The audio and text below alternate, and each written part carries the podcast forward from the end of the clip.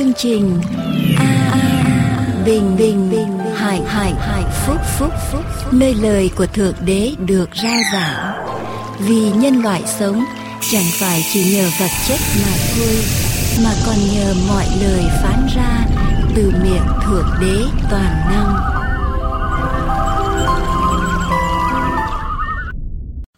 Quý vị thính giả thân mến, Giáng sinh lại trở về với nhân loại. Khắp đó đây, chúng ta thấy tưng bừng những bài thánh ca kỷ niệm sự giáng trần của Đức Chúa Giêsu. Ngài là Đức Chúa Trời toàn năng, lấy hình thể của con người, làm người để sống cho người và để chết cho người. Nhân mùa Giáng sinh năm nay, chúng tôi xin kính chúc tất cả quý vị thính giả thuộc các hội thánh tư gia, tất cả quý vị thính giả khắp đó đây ở trên toàn cõi Việt Nam, hưởng một mùa Giáng sinh đầy ơn lành từ Thượng Đế toàn năng.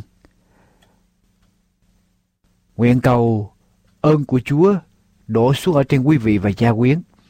Và xin quý vị đừng quên đón mùa Giáng sinh năm nay, chúng ta hướng tâm hồn của chúng ta về Đức Chúa Giêsu Christ là cứu Chúa của nhân loại. Hãy mời Ngài vào trong cõi lòng của chúng ta. Đừng quên Ngài ở trong mùa Giáng sinh năm nay, thưa quý vị thính giả.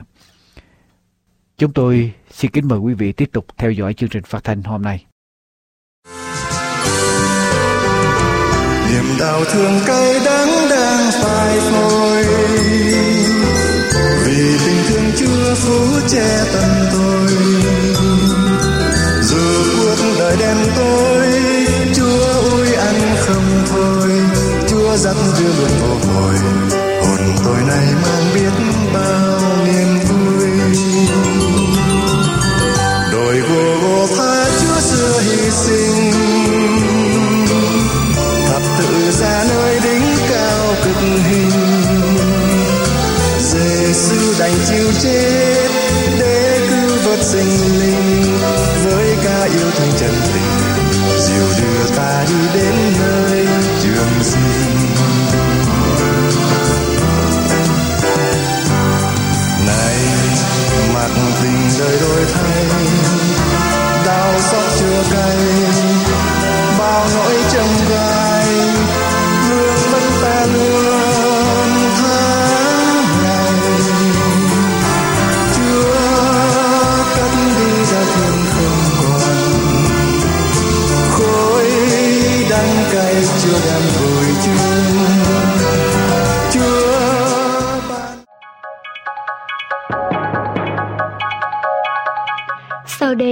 Dương Quốc Tùng sẽ đến với quý vị trong phần giảng luận cho chương trình hôm nay.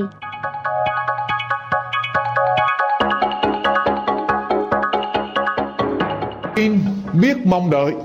Đức tin biết mong đợi. Chúng ta cùng nhau mở kinh thánh sách Luca đoạn 2 câu 25 trở đi. Ở trong mùa Giáng sinh đầu tiên Kinh Thánh đã ghi lại đức tin của một con cái Chúa, một tôi tớ Chúa là Simeon. Luca đoạn 2 câu 25 cho đến câu thứ 35. Và ở trong thành Jerusalem có một người công bình đạo đức tên là Simeon. Trong đợi sự yên ủi dân Israel và Đức Thánh Linh ngự ở trên người. Đức Thánh Linh đã bảo trước cho người biết mình sẽ không chết trước khi thấy đấng Christ của Chúa. Vậy, người cảm bởi Đức Thánh Linh vào đền thờ. Lúc có cha mẹ đem con trẻ là Giêsu đến, để làm trọn cho Ngài các thường lệ mà luật pháp đã định. Thì người bồng ẩm con trẻ mà ngợi khen Đức Chúa Trời rằng Lại Chúa, Bây giờ xin Chúa cho tôi tớ Chúa được qua đời bình an. Theo như lời Ngài, Vì con mắt tôi đã thấy sự cứu vớt của Ngài, Mà Ngài đã sắm sửa đặng làm ánh sáng trước mặt muôn dân, soi khắp thiên hạ và làm vinh vinh hiển cho dân Israel là dân Ngài. Cha mẹ con trẻ lấy làm lạ về mấy lời người ta nói về con. Simeon bằng chúc phước cho hai vợ chồng nói với Mary, mẹ của con trẻ rằng, đây, con trẻ này đã định làm một cớ cho nhiều người trong Israel vấp ngã hoặc dấy lên và định là một dấu gây nên sự cải trả. Còn phần ngươi, có một thanh gươm sẽ đâm thấu qua lòng ngươi. Ấy vậy, tư tưởng trong lòng nhiều người sẽ được bày tỏ. Đức tin biết mong đợi.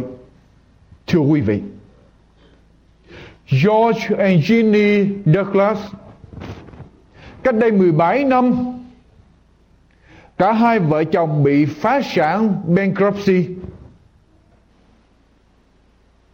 nhưng ngày hôm nay, hai vợ chồng đã lập lên một hãng máy computer vi tính với lợi tức hàng năm lên trên 50 triệu đô la. Chuyện gì đã xảy ra? Từ một chỗ, một cặp vợ chồng bị phá sản và ngày hôm nay đưa họ đến vai trò triệu phú. George đã kể lại như thế này. Khi anh mất sở làm của mình, anh không biết tương lai sẽ ra sao, gia đình sẽ sống như thế nào. Lòng của anh thất vọng ở trong đời sống. Nhưng sau đó anh làm một sự quyết định. Thay đổi thái độ của mình về cuộc sống. Và anh muốn trở thành một con người lạc quan. Muốn trở thành một con người lạc quan. Và rồi anh mới quyết định một phần lớn của một con người lạc quan. Cùng một con người sống ở trong sự vui vẻ, lành mạnh thì người đó sống phải biết mong đợi một điều gì đó to lớn sẽ xảy ra cho đời sống của mình. Thế rồi Douglas mới lấy một quyển tập notebook.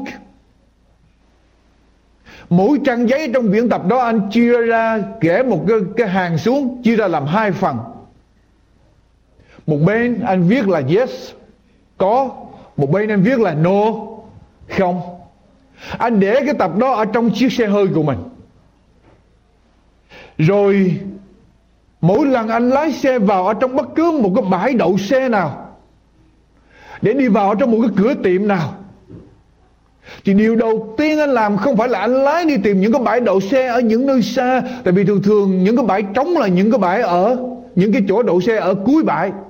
Nhưng anh lái xe tới ngay ở cửa anh mong chờ rằng sẽ có một cái chỗ đậu xe cho xe anh vào trong đó.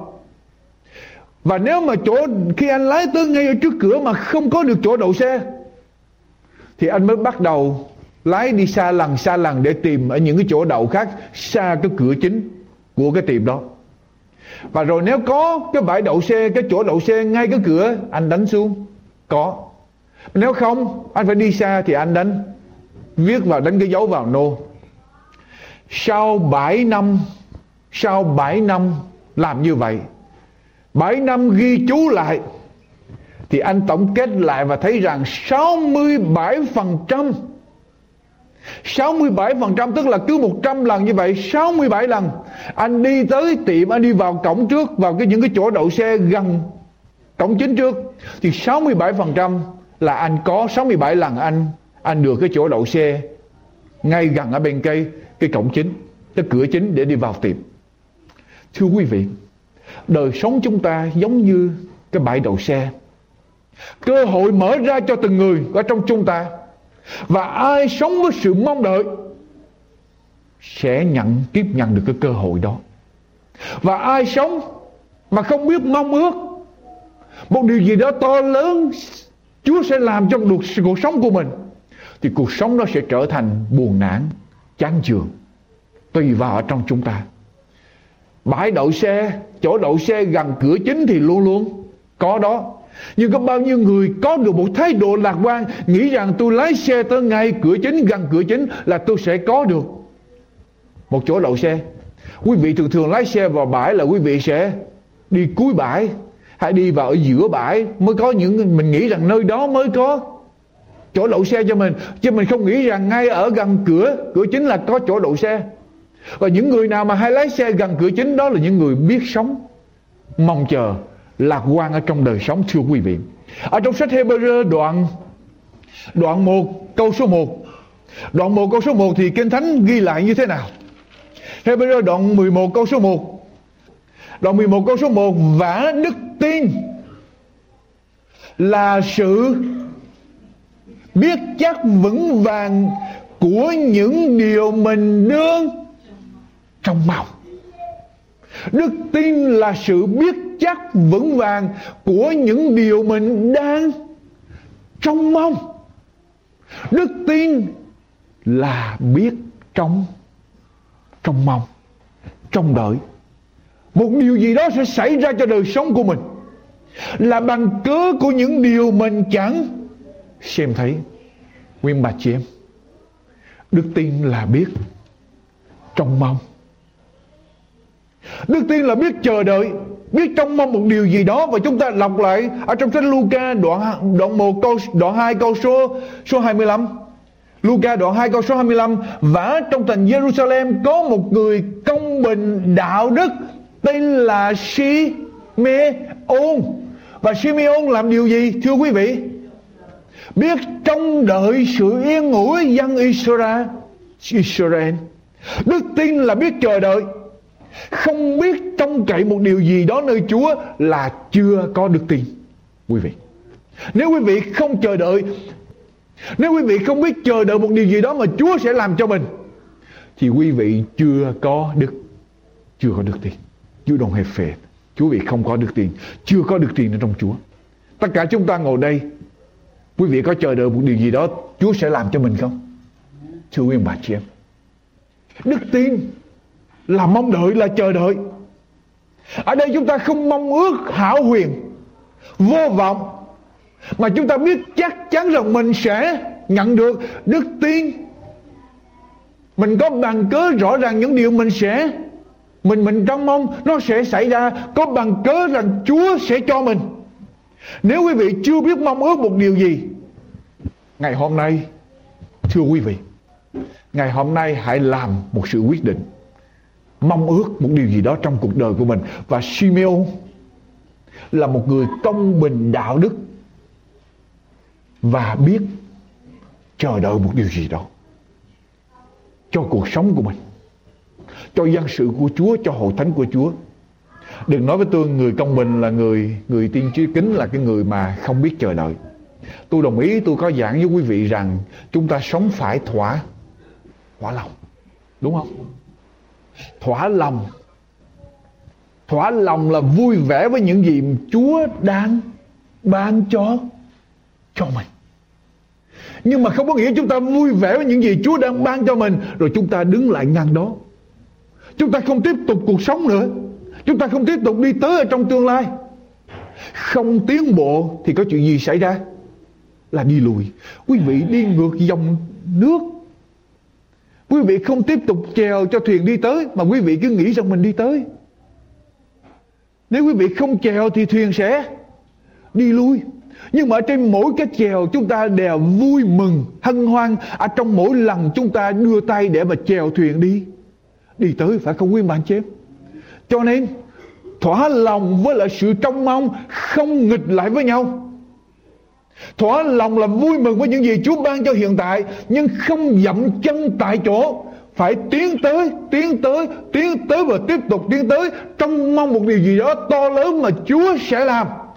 Cho đức tin của mình cho đời sống của mình cho hội thánh của Chúa cho danh của Chúa. Đó là đức tin quý vị. Có một uh, nhóm học sinh trung học người ta dùng một số nhóm học sinh trung học này để làm một cuộc thí nghiệm. Các học sinh được uh, chia ra làm ba nhóm và tất cả các học sinh này đều là những học sinh xuất sắc tương đương với nhau hết. Mức thông minh giống nhau nhưng mà ba nhóm học sinh này không hề biết nhau và họ những người nghiên cứu những nhà nghiên cứu mới chỉ định cho một số giáo sư để trong nom dạy dỗ cho mỗi nhóm. Và số giáo sư này cũng không biết các học sinh ở trong nhóm. Và giáo nhóm giáo, giáo sư này đều có khả năng tương đương với nhau. Họ không hề biết những chuyện những chuyện gì nhóm khác là giáo sư tương đương học sinh tương đương. Nhưng khi các nhà nghiên cứu nói với lại các giáo sư được chỉ định vào cái nhóm đó. Ví dụ như nhóm A, các nhà nghiên cứu nói rằng nhóm này là nhóm học sinh xuất sắc, thông minh. Nhóm B, khi các giáo sư được chỉ định tới, các nhà nghiên cứu nói rằng nhóm này là nhóm trung bình. Chỉ trung bình thôi, sự thông minh trung bình thôi. Rồi nhóm C là cái nhóm mà học sinh dở nhất. Trong khi đó thực tế thì cả ba nhóm đều đều bằng nhau hết. Sau đó người ta đúc kết lại suốt năm học, các giáo sư dạy dỗ các học sinh. Theo những gì họ được chỉ định, đây là nhóm thông minh, thì họ dạy theo thông minh. Nhóm trung bình họ dạy theo nhóm trung bình, nhóm kém thì họ dạy theo nhóm kém.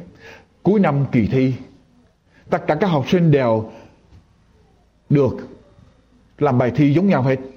Nhưng sau khi người ta đúc kết lại cái nhóm xuất sắc, thì điểm thi được xuất sắc cái nhóm trung bình thì điểm thi trung bình. Cái nhóm kém thì điểm thi kém. Trong khi đó thực tế là ba nhóm học sinh này đều bằng nhau hết. Nhưng mà các giáo sư đã được chỉ định rằng nhóm này là nhóm thông minh cho nên khi họ tới họ dạy, họ coi như học những học sinh này là những học sinh thông minh.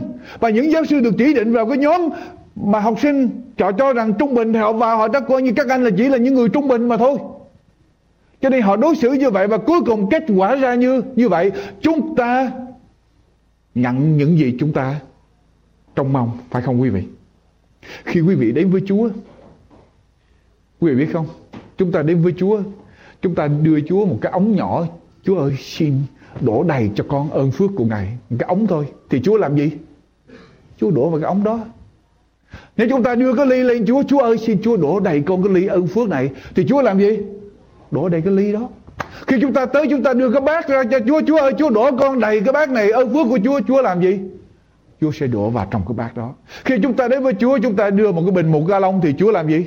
Đổ một ga lông đưa một cái bình một trăm ga lông thì Chúa làm gì? Chúa sẽ đổ một trăm ga lông Chúa ban cho chúng ta theo như những gì chúng ta mong ước chờ đợi. Đức tin của chúng ta được đánh giá trị bằng những gì chúng ta mong mong ước. Cho nên đức tin biết trong trong mong. Simeon trong mong chờ đợi. Quý vị đừng nói rằng hồi xưa trong mong trong cái thánh dễ ngày hôm nay tôi tin Chúa mấy chục năm tôi chờ hoài. Tôi đâu có thấy Chúa làm cái chuyện gì đâu. Hai năm, ba năm rồi, thành ra tôi trong mong nó khó hơn. Cái lời tiên tri Đức Chúa Giêsu Giáng sinh đã nói trước thời kỳ Simeon 750 năm. 750 năm nhưng Simeon vẫn trông mong chờ đợi được thấy sự yên ủi của dân Israel. Israel. Ngày hôm nay chúng ta tin Chúa được bao nhiêu năm? Thưa quý vị. Và Simeon giây phút này là một người, một thầy tế lễ lớn tuổi ở trong đền thờ của mình. Cả đời đã trông đợi Chúa nhưng vẫn tiếp tục trông đợi dù là chưa thấy nhưng vẫn trông đợi cho đến ngày mà Chúa đến. Chúa nói rằng ta sẽ cho ngươi ngươi thấy và chúng ta đọc lại, quý vị. Đọc lại, chúng tôi đọc lại với tôi câu 2 đoạn 2 câu 25 và trong thành Jerusalem có một người công bình đạo đức tên là Simeon trong đợi sự yên ủi dân Israel và Đức Thánh Linh ngự ở trên ở trên người. Hễ mình biết trong đợi thì Đức Thánh Linh sẽ sẽ đến với mình nếu mình sống bằng đức tin thì Chúa sẽ đến với mình. Đức Thánh Linh đã bảo trước cho người biết rằng mình sẽ không chết trước khi thấy đấng Christ của của Chúa. Quý vị có trong đợi không? Với Chúa hay không? Nếu không trong đợi thì từ ngày hôm nay trở, ngày hôm nay trở về phải bắt đầu đợi trong. Từ ngày hôm nay trở về phải bắt đầu tập để mà đợi trong nơi Chúa. Để expect hope trông cậy trông đợi hy vọng một điều gì đó từ nơi Chúa nếu không có điều đó, đức tin chúng ta không có được đức tin biết trong rồi. bây giờ chúng ta đọc tiếp từ câu 27 câu 27 đến câu 30 vậy người cảm bởi Đức Thánh Linh vào đền thờ. Sau khi Chúa Thánh Linh tới nói người sẽ được thấy, thì vậy người được cảm được cảm động bởi Đức Thánh Linh vào đền thờ. Lúc có cha mẹ đem con trẻ là Giêsu đến để làm trọn cho ngài các thường lệ mà luật pháp đã định thì người bồng ẩm, con trẻ, mà ngợi khen Đức Chúa Trời rằng lại Chúa, bây giờ xin Chúa cho tôi tớ Chúa được qua đời bình an theo như lời Ngài, vì con mắt tôi đã thấy sự cứu vớt của Ngài. Sau nhiều năm dài chờ đợi, trong mong, bây giờ Samuel tuổi đã già, đang ở trong đền thờ. Một ngày kia, Marie và Joseph bồng con mình vào đền thờ bồng Đức Chúa Giêsu vào đền thờ để dâng lên. Đức Chúa Giêsu bây giờ là 38 khoảng 38 ngày. Sau khi kỳ lễ tinh thạch xong, Chúa Giêsu ra đời được 38 ngày, một hài nhi, một baby 38 ngày tuổi. Được Mary và Joseph đem vào ở trong đền thờ. Quý vị tưởng tượng đền thờ ngày hôm đó. Hàng trăm cặp vợ chồng đem con mình đến dân hàng trăm thầy tế lễ đang chờ đợi để cử hành lễ. Bồng ẩm những đứa trẻ này để mà cầu nguyện, dâng lên cho Chúa. Và Đức Thánh Linh tới nói với lại Simeon. Chỉ cho Simeon biết đó là đấng cứu thế. Đó là đứa bé của lời hứa. Ngày hôm nay kinh thánh được ứng nghiệm. Ngày hôm nay chúa thực hiện lời hứa của ngài bé bê giêsu là một ở trong tất cả những đứa trẻ được dâng lên ở trong đền thờ trong ngày hôm đó. Nếu chúng ta là Simeon Ngày hôm đó chúng ta phản ứng như thế nào quý vị? Chúng ta thất vọng. Bao nhiêu năm chúng ta chờ đợi một đấng cứu thế ra đời để giải phóng dân Israel ra khỏi ách nô lệ, ách đồ của người La Mã. Bao nhiêu năm chúng ta chờ đợi một đấng cứu thế đến tới để giải thoát dân sự của Ngài, để làm vua dân Israel. Bây giờ, một đứa bé 38 38 ngày đến từ một cặp vợ chồng vô danh tiểu tốt không ai biết đến danh tiếng sinh ra ở trong một cái làng nghèo nàn Bethlehem Bethlehem cái làng không ai màng tới. Làm gì có vua chúa sinh ra cái nơi đó? Rồi sinh ra ở đâu? Trong chuồng chiên vàng mang cỏ. Quý vị nghĩ như thế nào? Phản ứng của quý vị ra sao? Bao nhiêu sự trông đợi của quý vị? Bao nhiêu ước mong to lớn. Một ngày chúa tới chúa nói ước mong của con được trở thành sự thật. Ta đáp lời. Ta đáp nhận lời. Làm ứng nghiệm sự mong ước của con. Rồi chúa nói đó vua của con đó đấng cứu thế của con đó một bé bi, 38 ngày mới sinh ra 38 ngày bên cạnh một cặp vợ chồng nghèo nàn, không học thức, không danh vọng, không địa vị, quý vị sẽ làm sao khi ước mơ của mình, bao nhiêu sự chờ đợi cuối cùng nó chỉ quá bé nhỏ, quá hèn mọn Khi Simeon đáp như thế nào quý vị? Câu 28 đọc lại với tôi. Khi Simeon bồng ẩm con trẻ. Ông ta nói, Chúa ơi, con thất vọng quá. Con tưởng đâu con đang chờ đang cứu thế ngày hôm nay Chúa cho một người dẫn quân vào đây. Một người tài giỏi, hiên ngang, có quân lính rầm rộ tới đây ai ngờ chỉ là một đứa bé, một con trẻ khi người bồng ẩm con trẻ và làm gì? Ngợi khen đức chúa trời rằng ngợi khen đức chúa trời. Amen. Quý vị, đức tin biết mong đợi. Nhưng đến khi chúa cho, chúa chỉ biết tin, biết tiếp nhận những cái tầm thường. Dù rằng tầm thường nhưng Chúa đã nói rằng đó là ý của của ta. Mà ngợi khen Đức Chúa Trời rằng lại Chúa bây giờ xin Chúa cho tôi tới Chúa được qua đời bình an cho con chết con thỏa lòng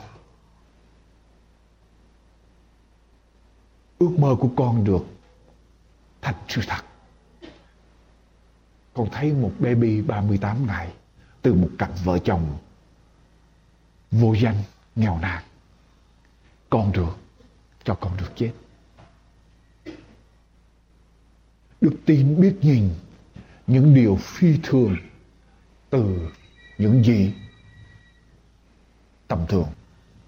Đức tin biết nhìn những gì phi thường từ những gì mà tầm thường. Tôi nói với quý vị như thế này. Nicodem tới tìm Đức Chúa Giêsu giây phút nào? Nicodem đi vào ban đêm. Nicodem là một nhà cai trị dân Israel đến tìm Đức Chúa Giêsu và Nicodem gọi Đức Chúa Giêsu là gì? Ngài là giáo sư tự từ trời tới. Vì sao? Nicodem nói rằng vì chúng tôi đã thấy những phép lạ mà Ngài làm ra. Cho nên Nicodem gọi Đức Chúa Giêsu là giáo sư tự ở trên ở trên trời xuống. Phi-e-rơ, đại xưng Đức Chúa Giêsu là gì thưa quý vị? Sứ đồ Phi-e-rơ gọi Đức Chúa Giêsu là con của Đức Chúa. Đức Chúa Trời, Ngài là Đấng Christ, con của Đức Chúa Trời. Sau khi Phêrô thấy Chúa chữa bệnh cho những người què được đi, người điếc được nghe, người câm được nói, người chết được sống lại.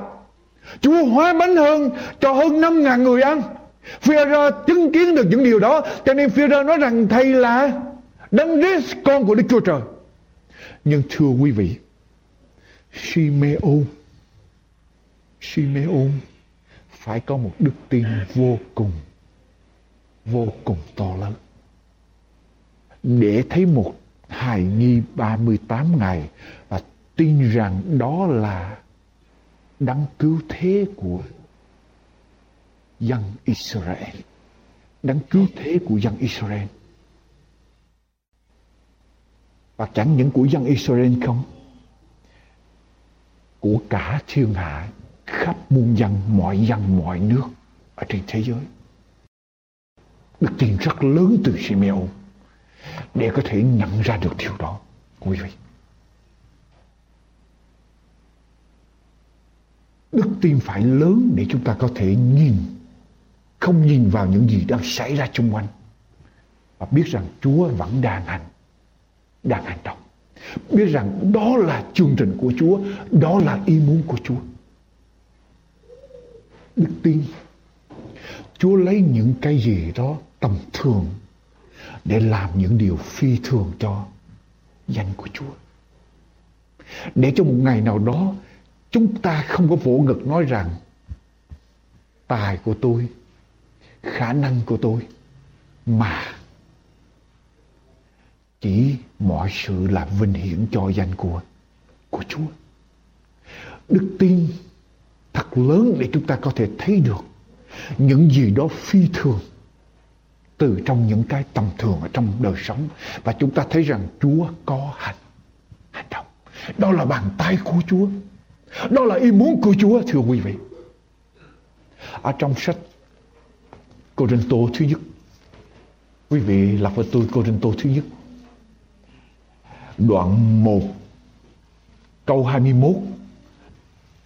Vì tại thế gian cậy sự khôn ngoan mình, chẳng nhờ sự khôn ngoan đức chúa trời mà nhận biết đức chúa trời, nên ngài đành lòng dùng sự giảng rồ dại của chúng ta mà cứu rỗi những người tiên cậy. Và đương khi người Juda đòi phép lạ, Người Garat đi tìm sự khôn ngoan, Triết lý, Thì chúng ta giảng. Đấng Christ bị đóng đinh trên cây thập tự là sự mà người Juda lấy làm gương xấu và dân ngoại cho là rồ dại song lê về những người được gọi, bất luận là người Juda hay là người Grec thì đấng Christ là quyền phép của Đức Chúa Trời và sự khôn ngoan của Đức Chúa Trời. Bởi vì sự rồ dại của Đức Chúa Trời là khôn sáng hơn người ta. Và sự yếu đuối của Đức Chúa Trời là mạnh hơn người ta. Câu số 27 Nhưng Đức Chúa Trời đã chọn những sự rồ dại ở thế gian để làm hổ thẹn những kẻ khôn. Đức Chúa Trời đã chọn những sự yếu ở thế gian để làm hổ thẹn những sự bệnh. Đức Chúa Trời đã chọn những sự hèn hạ và khinh bỉ ở thế gian cùng những sự không có hầu cho làm những sự có ra không có. Quý vị, tạ ơn Chúa khi tôi yếu đuối đó là lúc tôi mạnh mẽ. Khi tôi đau khổ đó là lúc mà tôi hạnh phúc nhất tại vì sao Chúa ở với lại tôi trong giây giây phút đó. Khi chúng ta ở trong tận cùng, ở trong những cái tầm thường, quyền năng của Chúa được bày bày tỏ. Quý vị nhớ rằng số người được cứu Chúa nói, kêu gọi những người được cứu đi vào cửa hẹp chứ không phải là cửa cửa rộng. Cửa rộng khoảng khoát đông người vào, nhưng cuối cùng nó dẫn ra sự hư mất.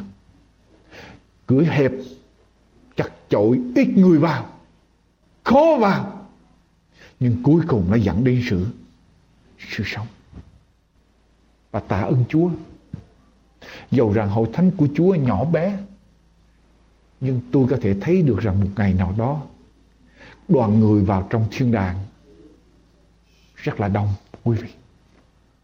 Ngày hôm nay chúng ta có thể thấy hội thánh của Chúa rất nhỏ bé. Nhưng ngày mà chúng ta trên đường đi vào trong thiên quốc, chúng ta sẽ thấy đoàn người rất là là đông. Thưa quý vị, đức tin của chúng ta khá đủ lớn. Để chúng ta thấy những điều phi thường trong những gì bình thường không ngày hôm nay không? Chúng ta có đủ lớn để thấy rằng Đức Chúa Giêsu là đấng cứu thế duy nhất của nhân loại. Trong khi đó bây giờ cả thế giới cho rằng Đức Chúa Giêsu chỉ là một ở trong những vĩ nhân. Chúa chỉ là một one of. Chứ Chúa không phải là the only one. Chúa không phải là con đường duy nhất. Thế giới nói rằng Chúa không phải là con đường duy nhất. Chúng ta có đủ đức tin để nói rằng Chúa là con đường duy nhất Để đến với Đức Chúa Trời Để vào thiên đàng hay không? Thưa quý vị, Chúng ta đủ tin như vậy không? Để đứng như vậy không? Chúng ta đủ tin. Trong khi thế giới nói rằng quyển Kinh Thánh Chỉ là một quyển sách, Ngày hôm nay quyển Kinh Thánh chỉ là một quyển sách hay, Quyển sách lạ thường. Nhưng đức tin chúng ta đủ lớn để chúng ta thấy rằng quyển sách này là lời của Đức Chúa Trời. Chúng ta đủ lớn để tin như vậy không? Giống như Simeon bồng Đức Chúa Giêsu và tin rằng một ngày kia Ngài là đấng cứu thế cho tất cả nhân loại muôn dân. Chúng ta đủ tin như vậy không quý vị? Đây là lời của Chúa. Lời hàng sống của Ngài. À, trong khi thế giới nói rằng ngày nào cũng như ngày nào. Ngày nào cũng giống nhau. Và ngày thứ nhất là cái ngày mà ngày hôm nay người ta dùng để kỷ niệm ngày Chúa sống lại. Theo ý của con người, theo truyền thống của con người, nhưng đức tin của chúng ta có đủ lớn. Để chúng ta tin rằng ngày thứ bảy là ngày thánh của Đức Chúa Trời và vẫn còn tiếp tục cho đến ngày chúng ta vào nước thiên đàng và chúng ta sẽ tiếp tục giữ ngày đó, chúng ta vẫn tiếp tục thờ phượng Chúa trong ngày đó. Chúng ta đủ để đứng vững để tin điều đó không, thưa quý vị. Ngày thứ bảy là ngày thánh của Chúa không? Đức tin chúng ta có đủ lớn như vậy không? Và chúng ta biệt riêng ngày đó ra cho Chúa, dành cho Chúa vì chúng ta tin rằng Chúa đã ban phước, Chúa đã nghỉ ngơi và Chúa đặt ngày đó làm ngày thánh, ngày đó thuộc về Chúa. Và chúng ta dành cho Chúa trọn vẹn không làm theo ý riêng của chúng ta không làm bất cứ việc gì theo con đường riêng của chúng ta không theo ý của con người truyền thống của con người mà dành ngày đó biệt riêng ngày đó cho Chúa chúng ta có làm được như vậy không có tin được như vậy không thưa quý vị và chúng ta có đức tin của chúng ta có đủ lớn để chúng ta thấy rằng hội thánh cho nó Phục Lâm là hội thánh còn sót lại của Chúa. Là hội thánh còn sót lại của Chúa. Trong khi đó những người khác cho rằng đạo nào cũng tốt. Đạo nào cũng giống nhau, đạo nào cũng dẫn người ta về với thiên đàng, đạo nào cũng thờ phượng thượng đế. Chúng ta có đủ để tin rằng Chúa có một hội thánh còn sót lại cho Ngài. Yes. Hội thánh đó có những khiếm khuyết bất toàn. Nhưng hội thánh đó là hội thánh mà Chúa chọn để đem sứ điệp cuối cùng của Chúa cho nhân loại. Hội thánh còn sót lại. Dân giữ các điều răn của Đức Chúa Trời và giữ lòng tin nơi Đức Chúa Giêsu. Chúng ta đủ tin như vậy không quý bạn chị em? Chúng ta có đủ tin để thấy rằng bất cứ những cái chuyện bình thường, những biến cố đang xảy ra trên thế giới ngày hôm nay chúng ta tin rằng những biến cố đó sẽ dẫn tới ngày Chúa trở lại rất gần không? Thưa quý vị, những biến cố chúng ta thấy, chúng ta cần có một đức tin như Simeon để chúng ta có thể nhìn được những điều mà Chúa nhìn. Nhìn thấu chân giá trị của sự vật, không bị che lấp bởi cái lớp vỏ tầm thường ở bên ngoài. Nhìn thấy được sự thật ở bên trong, giá trị tốt lành ở bên trong, dù là bên ngoài tầm thường có một cô gái nhận được một món quà của một của một chàng trai là người yêu của mình. Món quà đó là một quyển sách. Cô mở ra đọc vài trang. Người yêu mình đứng chờ. Cô lướt qua vài trang. Thấy quyển sách này đọc chán quá, boring, chẳng có gì hết. Thích thú trong này. Người yêu hơi buồn chút. Nhưng mà nói với người bạn gái của mình em coi lại thì coi ai viết cuốn sách đó vậy người con gái mới mở lại coi tác giả ô oh, người yêu của mình là tác giả của quyển sách đó bây giờ thái độ của cô gái đổi thay đổi Bây giờ cô gái ngồi xuống đọc từng trang ở trong quyển sách. Đọc say sưa cuốn sách hay quá. Chuyện gì xảy ra thưa quý vị? Tại sao lúc trước cuốn sách thì quá dở? Vài trang đầu quá dở bây giờ cuốn sách quá hay. Tại vì cô gái connect nối được với tác giả của quyển sách và người đó là người yêu của mình. Quý vị biết không? Khi chúng ta connect nối được với Chúa, liên kết với Chúa chúng ta sẽ nhìn mọi sự khác với cặp mắt bình thường. Có một cái gì đó giữa chúng ta với Chúa. Transform, biến đổi. Tất cả những lối nhìn của chúng ta, tất cả những gì chúng ta thấy xung quanh và chúng ta thấy bàn tay của Chúa ở trong sự vật, sự việc. Chúng ta thấy rõ Chúa đang hành động và người nào có cái sự thông công với Chúa, Mặc thiết với Chúa sẽ thấy được điều đó trong đời sống. Họ sẽ nhìn vấn đề khác Họ nhìn vấn đề với cặp mắt của đức tin biết trong đời. Chứ không phải cặp mắt của một con người tầm thường, bình thường, một con người xác thịt để mà nhìn. Quyền bà chị em. Và chúng ta cần có đức tin để nhìn ra được những điều phi thường từ ở trong những điều tầm thường, bình thường. Và chúng ta đọc tiếp điều thứ ba của đức tin Simeon làm gì? Câu 31 cho đến câu 35 của sách Luca đoạn 2.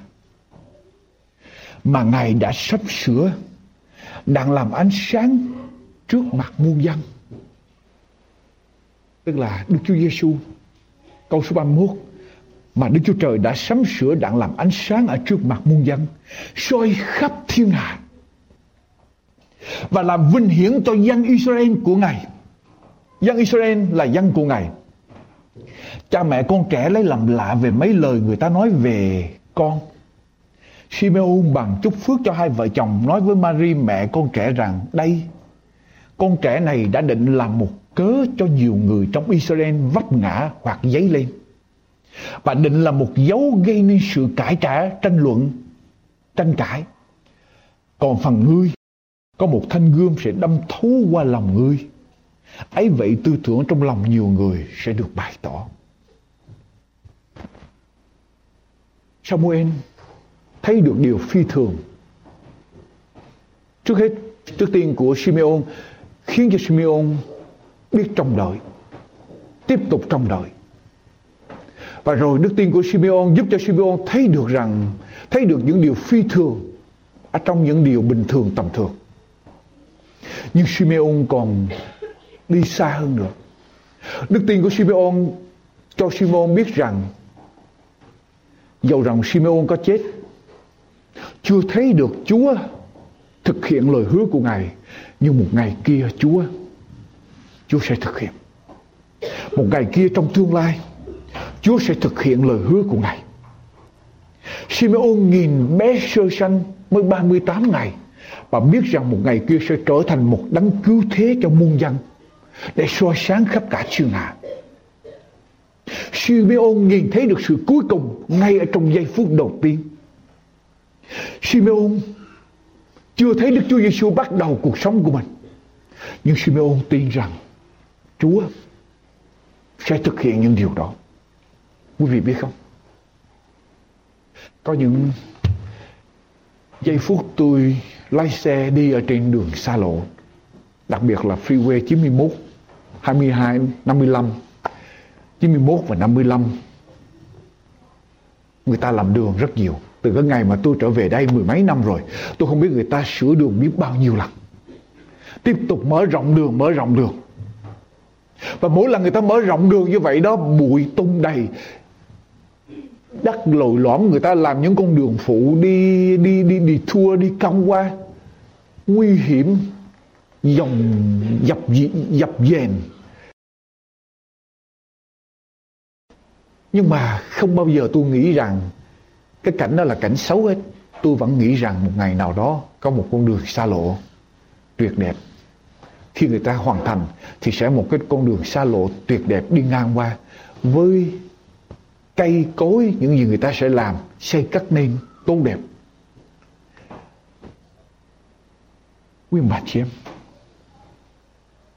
chúng ta đủ tin Chúa để thấy rằng dầu rằng hội thánh này, hội thánh của Chúa bất toàn khiếm khuyết.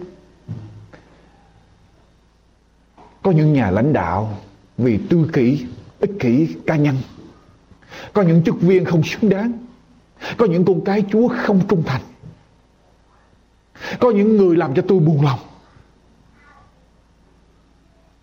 Làm cho đức tin của tôi yếu đuối nhưng tôi có đủ đức tin để tin rằng một ngày nào đó, khi Chúa hoàn tất hội thánh này trở nên trở nên trọn vẹn không, thưa quý vị? Đến ngày Chúa trở lại, mỗi người, tôi không cần biết quý vị tội lỗi bao nhiêu. Nếu quý vị chân thành, hết lòng đi với Chúa nếu quý vị thật lòng với Chúa và đầu phục Ngài Today Maybe you are nothing. Ngày hôm nay có lẽ quý vị không ra gì hết. Quý vị là tội nhân. But someday you will be, you will be beautiful. Quý vị sẽ trở nên tốt đẹp khi Chúa đã nắng xong cuộc đời của quý vị. Và chúng ta có đủ đức tin để nhìn những con cái Chúa trong hội thánh để thấy như vậy không quý vị?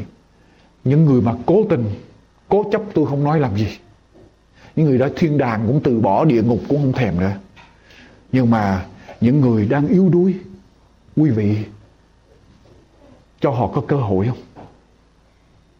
Để biết rằng một ngày nào kia họ sẽ trọn vẹn. Và biết đâu cái đầu sẽ trở nên trên rốt. Họ có một ngày nào đó họ sẽ còn đức tin vững hơn mình nữa họ sẽ còn tiến xa hơn mình nữa, phải không quý vị?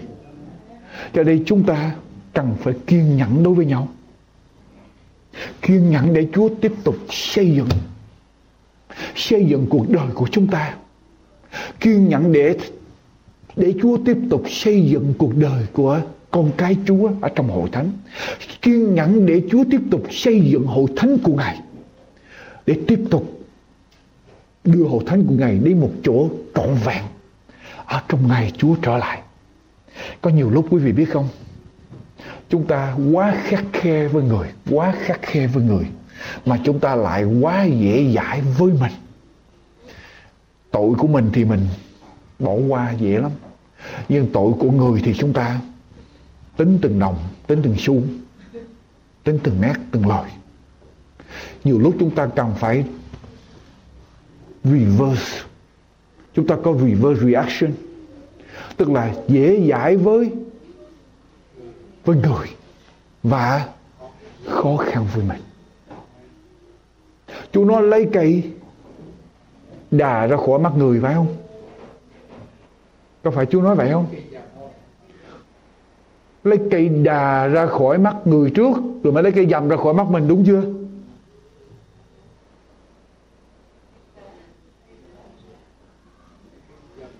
Chúa nói lấy cây dầm ra khỏi mắt người trước rồi mới lấy cây đà ra khỏi mắt mình, đúng không? Lấy cây dầm ra khỏi mắt người trước rồi mới lấy cây đà ra khỏi mắt mình, đúng chưa quý vị? No, Chúa nói rằng lấy cây đà ra khỏi mắt mình rồi mới lấy cây dầm ra khỏi mắt mắt thôi yes, quý vị. Đức tin đó là quý vị. Đức tin để biết rằng Chúa sẽ hoàn tất công việc của Ngài. Johann Sebastian Bach là một nhà soạn nhạc, là một nhạc sư có nhiều bản nhạc bất hủ của nhân loại. Ông để lại rất nhiều bản nhạc bất hủ cho nhân loại trên thế giới ngày hôm nay. Và đặc biệt là thánh nhạc. Nhưng cuộc đời của ông chẳng có gì là hạnh phúc hết thưa quý vị. Cuộc đời của ông là một chuỗi bi kịch. 10 tuổi mồ côi cha mẹ. 10 tuổi mồ côi cha mẹ. Được anh mình đem về nuôi. Cực chẳng đã tại em mới nuôi nó thôi. Cho nuôi nó là tính thêm một miệng ăn ở trong gia đình nữa. Cho nên ông anh cũng phiền lắm. Cũng tìm cách làm thế nào để mà lấy thức ăn của em bớt đi. Tại ông anh cũng không đủ sức để nuôi trong gia đình rồi mười lấy vợ lần thứ nhất 13 năm, cưới nhau 13 năm, vợ mất. Tái giá, hai đời vợ được hai chục người con. Mười người con chết khi còn trẻ. Một người con chết lúc 20 tuổi. Một người con bị mental retard, tức là chậm phát triển về tinh thần. Là hết 12 rồi chính Johann Sebastian Bach bị một cái shock, một bị một cái stroke, cái cái sốc đó, rồi bị mù luôn. Nhưng quý vị, Johann Sebastian Bach là người viết về nhạc tôn vinh Chúa nhiều nhất ở trên thế giới. Là nhạc sư về thánh nhạc. Có lẽ ông là number one số một của trên thế giới.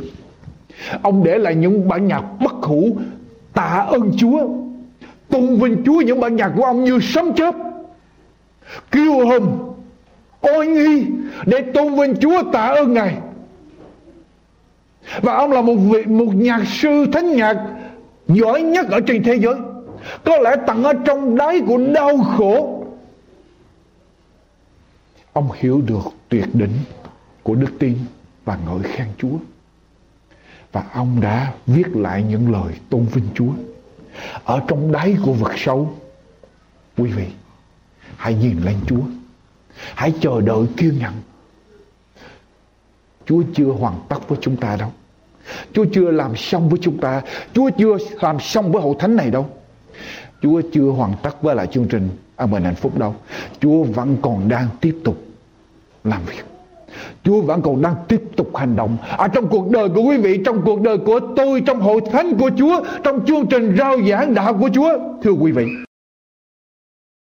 đón Chúa Giáng sinh năm nay, chúng ta có đủ đức tin để nhìn thấy rằng một ngày kia Chúa sẽ trở lại không? Chúa sẽ tái lâm. Đón Giáng sinh năm nay, quý vị biết rằng Chúa đã phân chia lịch sử của nhân loại ra làm hai. Quý vị có đủ đức tin để tin rằng một ngày kia khi Chúa trở lại, Chúa sẽ chia loài người ra làm hai nhóm. Dê ở bên tả và chiên ở bên hữu. Quý vị đủ tin như vậy không? Quý vị có tin rằng khi Chúa trở lại Chúa sẽ chia con người ra làm hai nhóm Những người tiếp nhận lẽ thật sẽ ở bên thử Và những người từ chối lẽ thật sẽ ở bên tả. Những người trung tín với Chúa sẽ ở bên hữu, Những người không trung tín sẽ ở bên trả. Những người chân thành với Chúa sẽ ở bên hữu, Những người giả dối sẽ ở bên tả. Những người vì Chúa sẽ ở bên hữu, Những người vị kỷ sẽ ở bên tả. Những người hy sinh cho Chúa sẽ ở bên hữu, Và những người vì cá nhân của mình sẽ ở bên tả. Và Chúa nói với những người bên hữu rằng, hãy vào. Đi hướng nước thiên đàng mà cha ta đã dành cho các người. Quý vị tin như vậy không? Quý bà chị em. Vua Menelik, đệ nhị của Ethiopia, cai trị từ năm 1889 cho đến năm 1913 một ngày kia, nhà vua nghe tin rằng ở tại Tây Phương người ta chế ra một cái ghế điện để xử những tội nhân phạm tội quá nặng. Và xử như vậy nó văn minh hơn là đem ra chém đầu hay là những hình phạt khác. Cho nên nhà vua muốn mua một cái, mua một cái về cho nước mình. Cái ghế điện về để xử những tội phạm quá nặng ở trong nước Ethiopia. Khi nhà vua đặt tiền để mua cái ghế về người ta chở cái ghế điện về. Thì không ai nói cho nhà vua biết rằng khi nhà vua đem về Ethiopia thì không sử dụng được. Tại vì tại vì uh, nước Ethiopia không có điện. Cho nên đem cái điện về thì làm sao mà sử dụng được? Tại Tây Phương mới có điện người ta mới dùng ghế điện. Thì lúc bây giờ khi nhà vua mua đem cái, uh, cái ghế về trả tiền một số tiền rất lớn đem bữa ghế điện về. Bây giờ không sử dụng được. Nhà vua, nó không phí được. Thôi bây giờ, thay vì dùng nó cái ghế điện để xử tội nhân, thì biến nó trở thành cái ngai vàng cho mình ngồi. Nhà vua đem cái ghế đó trở thành cây ngai vàng để trên cái ngai cho mình, để ngồi, để trị dân. Quý vị kỷ niệm Chúa giáng trần năm nay tôi kêu gọi quý vị, nhờ Chúa nhờ ơn Đức Chúa Giêsu để biến chuồng chiên và máng cỏ trở thành một nơi quý báu ở trong tâm hồn của mình. Biến thập tự giá của Chúa, nơi Chúa đóng đinh, trở thành cái ngai vàng để Chúa ngự trong tâm hồn của mình biến những ngày buồn biến tất cả những hoạn nạn biến tất cả những điều mà chúng ta không vui trong đời sống nhờ ơn Đức Chúa Giêsu để biến trở thành một niềm hạnh phúc cho cuộc sống của chúng ta. Nếu ai trông đợi Đức Giê-hô-va, trông đợi Đức Chúa Giêsu, chắc chắn sẽ được sức mới. Các cánh tất cánh bay cao như chim ưng. Chạy mà không mệt nhọc. Đi mà không mòn mỏi. Nếu ai biết trông chờ nơi Chúa, phải không nên bà chị chúng ta trông chờ nơi Chúa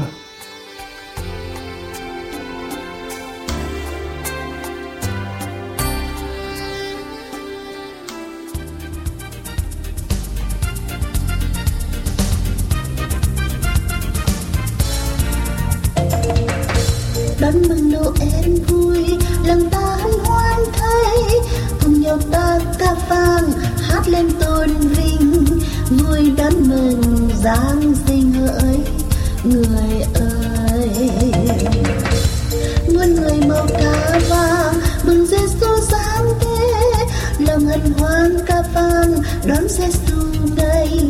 Con Chúa trời giáng sinh xuống trần gian. Dân Chúa tôi hồn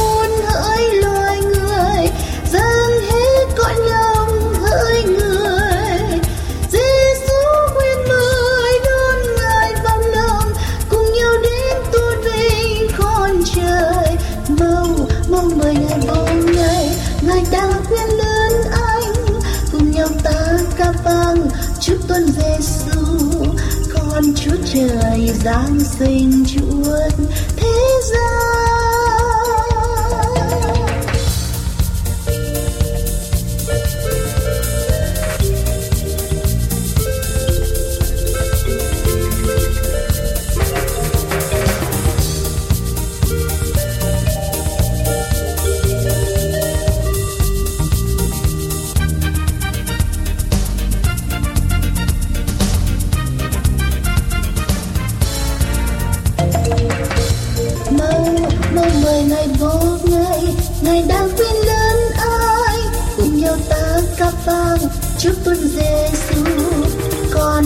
trời giáng sinh Chúa thế gian. Đón mừng Noel vui, lòng ta hân hoan đây cùng nhau ta ca vang, hát lên tôn vinh. Vui đón mừng giáng sinh ơi, người ơi. Muôn người màu ca vang, mừng Giêsu giáng thế. Lòng hân hoan ca vang trời giáng sinh xuống trần gian. Tâm Chúa tâm hồn hỡi loài người dâng hết cõi lòng hỡi người. Giêsu bên người đón ngài vào lòng cùng nhau đến tôn vinh con trời. Mong mong mời ngài vô ngày, ngài đang khuyên lớn anh, cùng nhau ta ca vang chúc tôn Giêsu con Chúa trời giáng sinh Chúa thế gian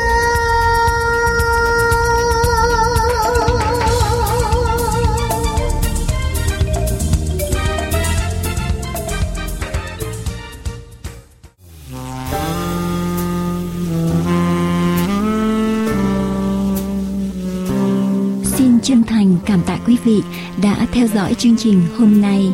Ước nguyện của An Bình Hạnh Phúc là đem đến quý vị sứ điệp cứu rỗi của Đức Chúa Trời và lời kinh thánh không hề sửa đổi.